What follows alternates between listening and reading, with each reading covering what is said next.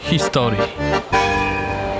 Podcast dofinansowany ze środków Instytutu Dziedzictwa Myśli Narodowej imienia Romana Dmowskiego i Ignacego Paderewskiego w ramach Funduszu Patriotycznego. Ulica księdza Stanisława Brzuski, zaznaczę, że Brzuski pisane przez S, nie przez Z, to ulica, o której istnieniu nie wie nawet wielu wrocławian. Jest bardzo krótką ulicą, położoną wśród zieleni na osiedlu Sempolno i właściwie jedynym budynkiem, który się przy niej znajduje jest kościół. Zbudowany w latach 30. XX wieku z czerwonej cegły w modernistycznym stylu z wysoką wieżą jako kościół ewangelicki pamięci króla Gustawa Adolfa, dziś należy do ewangelicko-augsburskiej parafii świętego Krzysztofa i współużytkowany jest również przez społeczność chrześcijańską we Wrocławiu. Otacza go zieleń. Tuż obok znajduje się skwer z muszlą koncertową, ulubione miejsce spacerowiczów i patrząc na rzut osiedla, można powiedzieć, że wszystkie ulice na Sempolnie prowadzą właśnie do tego miejsca. Tam też wybrałam się, by poznać historię ulicy i jej okolic. Powiedzmy sobie, gdzie się teraz znajdujemy, bo jesteśmy w takim centralnym, można powiedzieć, punkcie dzielnicy Sempolna. To się chyba teraz nazywa Skwer Powstańców Warszawskich. No i patrzymy sobie na kościół, kościół Gustawa Adolfa, ewangelicki kościół, który w czasach poprzednich pełnił też różne funkcje. Teraz znowu jest kościołem, ale był też kinem, prawda? No i właśnie jest ze mną pan Stanisław Żółkiewski, mieszkaniec e, Sempolna, wieloletni. Od którego roku jeszcze raz pan mieszka na Sempolnie? 49 roku, czyli jako trzylatek przyjechałem tutaj i mieszkam cały czas na Sempolnie. I właśnie e, tutaj wspomniane na początku było właśnie, że znajdujemy się w centrum e, osiedla, prawda, tu naprzeciwko kościoła ewangelickiego Gustawa Adolfa, imieniem Gustawa Adolfa. Prawda, ewangelików nie było, ten kościół był zamknięty. Pamiętam w latach 50. jeszcze potrafiłem mam przez dziurkę zobaczyć, właściwie nic nie było, był pusty. Decyzją władz komunistycznych mieli robotnicy obniżyć tą wieżę i ten krzyż zniszczyć. Okazało się, że oni w ogóle nie mają zamiaru tego krzyżu, krzyża ruszyć i stało y, się coś takiego, że y, tego momentu nie widziałem, ale opowiadano, że właśnie zatrudniono więźniów, prawda, którzy tutaj przyjechali i, i zburzyli ten krzyż i obniżono tą wieżę. Ona jest trochę do remontu, no bo tam czas nadwyrężył. No przerobiono tą główną właśnie mm, salę kościelną na, na kino Światowit, a z boku, stojąc przodem do, do, do wejścia głównego, z lewej strony było kino Bajka. Przepraszam, Baśń. Oj, Baśń. I tam były też filmy dla, dla dzieci. Mm, pamiętam raz przerobiłem e, legitymację. Był film Fernand Cowboy 14. No i nie chcieli mnie wpuścić i musiałem legitymację przerobić.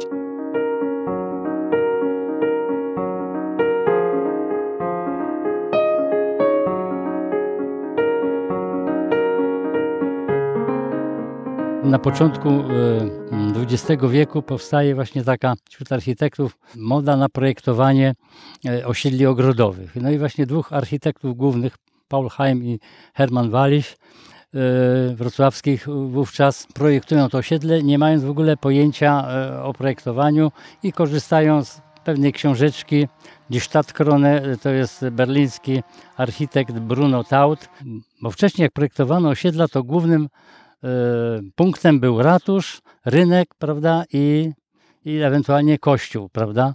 E, osiedla ogrodowe charakteryzują się tym, że centralnym punktem są, można powiedzieć, łąki. One prywatnie nazywa się Zimpeler Wiesel, czyli łąki Sempolna, tak można tłumaczyć. To jest teren prawda, otwarty, można powiedzieć zabawowy, prawda, można tu spędzać czas. I to osiedle no, było wybudowane na 10-12 tysięcy. Charakteryzuje się zabudową domków w zabudowie szeregowej, wielomieszkaniowych, jednopiętrowych z dwuspadowym dachem.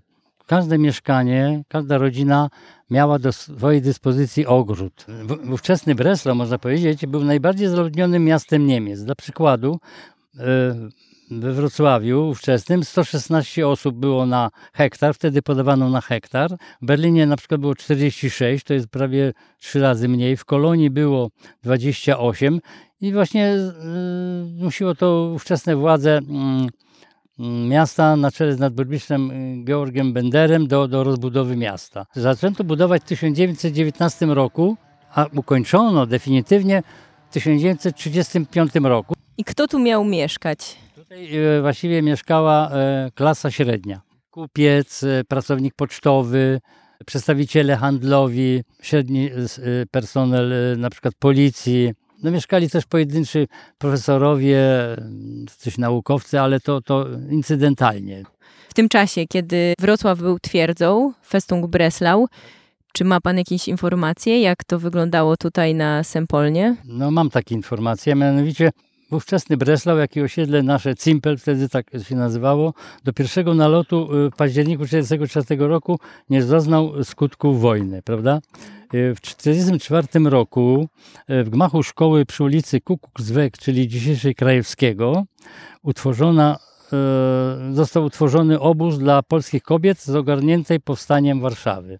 Przebywało nawet tu do 1400 kobiet z dziećmi. Y, Z uwagi na ciężkie warunki pobytu y, była wśród dzieci duża y, umieralność. I właśnie w czasie trwania tego Festung Breslau y, 10 lutego wydano, 1945 roku wydano rozkaz całkowitej ewakuacji osiedla. Kiedy stwierdzono, że atak na miasto będzie z innej strony, to było w marcu 1945 roku, właśnie kiedy pozwolono mieszkańcom wrócić do swoich domów ale domy były splądrowane i z wybitymi oknami. Y, Kierowano tutaj również ludzi z innych osiedli, w których toczyły się ciężkie walki. W wyniku działań wojennych zburzonych lub uszkodzonych zostało na Sempolnie około 30 budynków. Mam też y, mapę, gdzie widać jak postawiono zasieki obrony y, Festung Breslau. Zakładano, że będzie nawała e, rosyjska szła od strony e, Oleśnicy, czyli od strony Warszawy. A oni, tam też wywiad działał, oni obeszli naokoło i dlatego te, e, szczęśliwie ta dzielnica została, no, można powiedzieć, uratowana.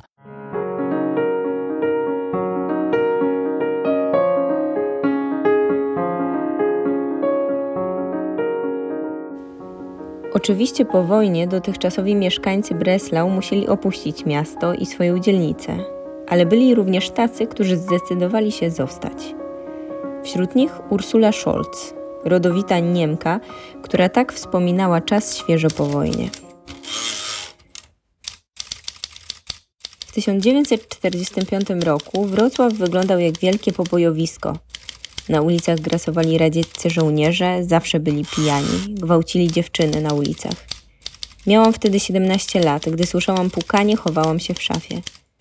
Moja rodzina zdecydowała się wyjechać na zachód, a ja tymczasem poznałam Staszka. Pochodził z Kielc i był starszy o 8 lat. Przystojny, biegle władający niemieckim, szybko zawrócił mi w głowie i z miejsca się oświadczył.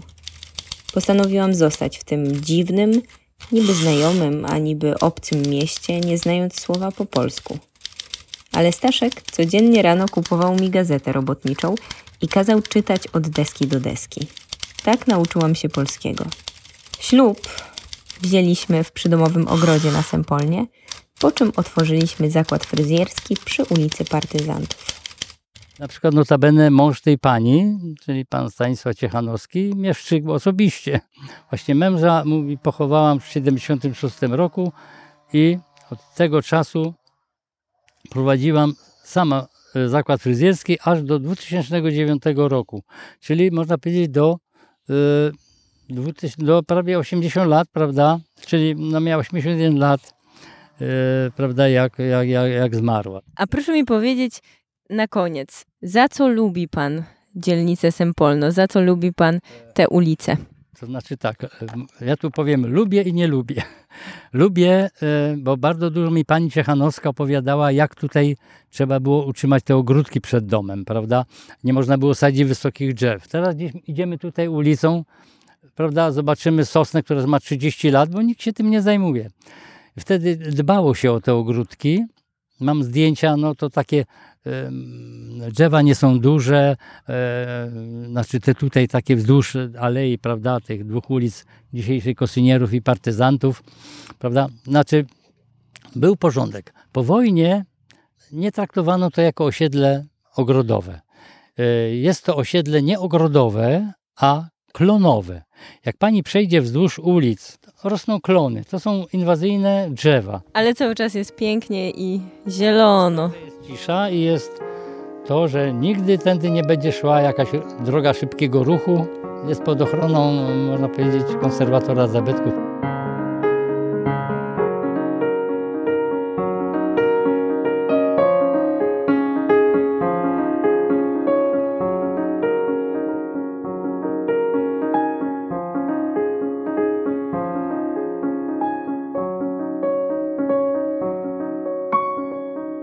Ale jeżeli chodzi o ulicę e, księdza Stanisława Brzuski we Wrocławiu, no to ona została nadana 28 listopada 1945 roku, więc również jedna z pierwszych po wojennym Wrocławiu. Wcześniej tam była ulica Kranikwek. Dr Kamil Borecki z Centrum Historii Zajezdnia. Ta ulica znajduje się w takim gnieździe ulic, których nazwy pochodzą właśnie od nazwisk powstańców, różnych powstańców, osób e, nastawionych patriotycznie, ale takich na przykład jak też Ludwik Waryński, który przyszedł do historii, a który był przecież takim internacjonalistycznym, można powiedzieć, e, socjalistą.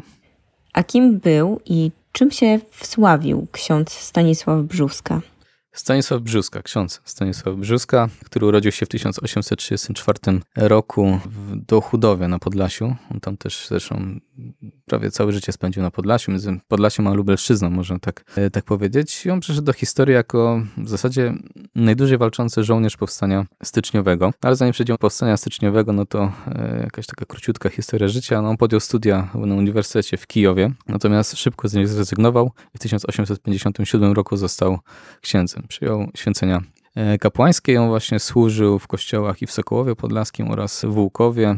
No, Sokołów Podlaskie to dzisiaj jest e, województwo mazowieckie, tak? ale można mówić jak z grubsza, że chodzi o tereny Podlasia. E, słynął z dużej, z dużej dozy patriotyzmu, to znaczy w swoich kazaniach, w swoich parafiach dla wiernych dążył do tego, żeby podtrzymać takiego ducha patriotyzmu, takiej świadomości narodowej. Za to był zresztą też represjonowany, bo w 1861 roku został skazany na dwa lata więzienia przez władze rosyjskie, no bo tu mówimy oczywiście o czasach zaborów, kiedy Podlasie należało do Królestwa Polskiego, które przecież było w zupełności zależne od Cesarstwa Rosyjskiego. I on spędził te, ten czas więzienia w Zamościu, z tym, że on został skrócony. Nie wiem dokładnie ile, ale tam dwóch lat w całości, w całości nie spędził i zaraz po wyjściu z tego więzienia, dołączył do tych konspiratorów, którzy dążyli właśnie do zbrojnego zrywu, które przeszło do historii jako powstanie styczniowe w 1863 roku. I on został wybrany na naczelnika cywilnego właśnie powiatu łukowskiego, czyli tam skąd się wywodził. Walczył y, zbrojnie również, ale też został kapelanem i został wyznaczony na kapelana w stopniu generała, czyli no chyba najwyżej jak się da. Zorganizował własny oddział, który był złożony z okolicznych chłopów. Ten oddział funkcjonował mniej więcej od grudnia 1863 do października 64 następnego e, roku, ale już w grudniu 64 musiał rozformować, że tak powiem, ten oddział. No, przewaga Rosjan już była przytłaczająca, nie chciał swoich ludzi narażać na, na represje, ale sam się zresztą zaczął ukrywać. I on ukrywał się, mm, powiedzmy, że dosyć długo nawet, bo do końca kwietnia 1865 e, roku ukrywał się w okolicznych wioskach i w końcu został niestety wydany wraz z Franciszkiem Wilczyńskim. Został aresztowany przez Rosjan i skazany na powieszenie. Tę karę wykonano 24 maja 1865 roku właśnie w Sokołowie Podlaskim. To zresztą do dzisiaj stoi taki pomnik upamiętniający to smutne wydarzenie. A ten pomnik powstał w 1925 roku, czyli za czasów II Rzeczypospolitej, kiedy ten kult powstańców styczniowych był dosyć mocny z racji tego, że i powstańcy styczniowi jeszcze wówczas żyli, całkiem liczne grono nawet powstańców styczniowych żyło, no i też powstanie styczniowe było bardzo bliskie sercu Józefa Piłsudskiego, a to co jemu było bliskie bliskie, to siłą rzeczy było bliskie też powiem, urzędnikom. W 1940 roku ten pomnik został ograbiony, to znaczy z takiego orła i wieńca, które były wyrzeźbione.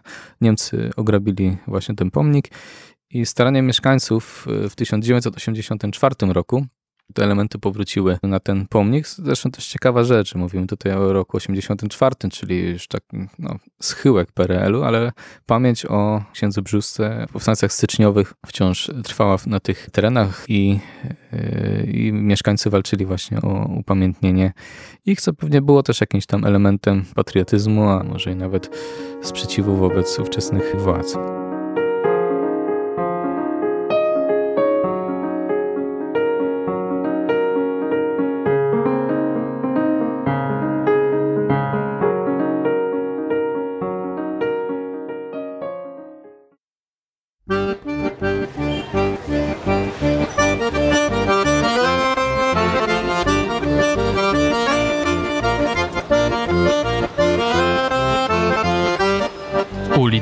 Historii.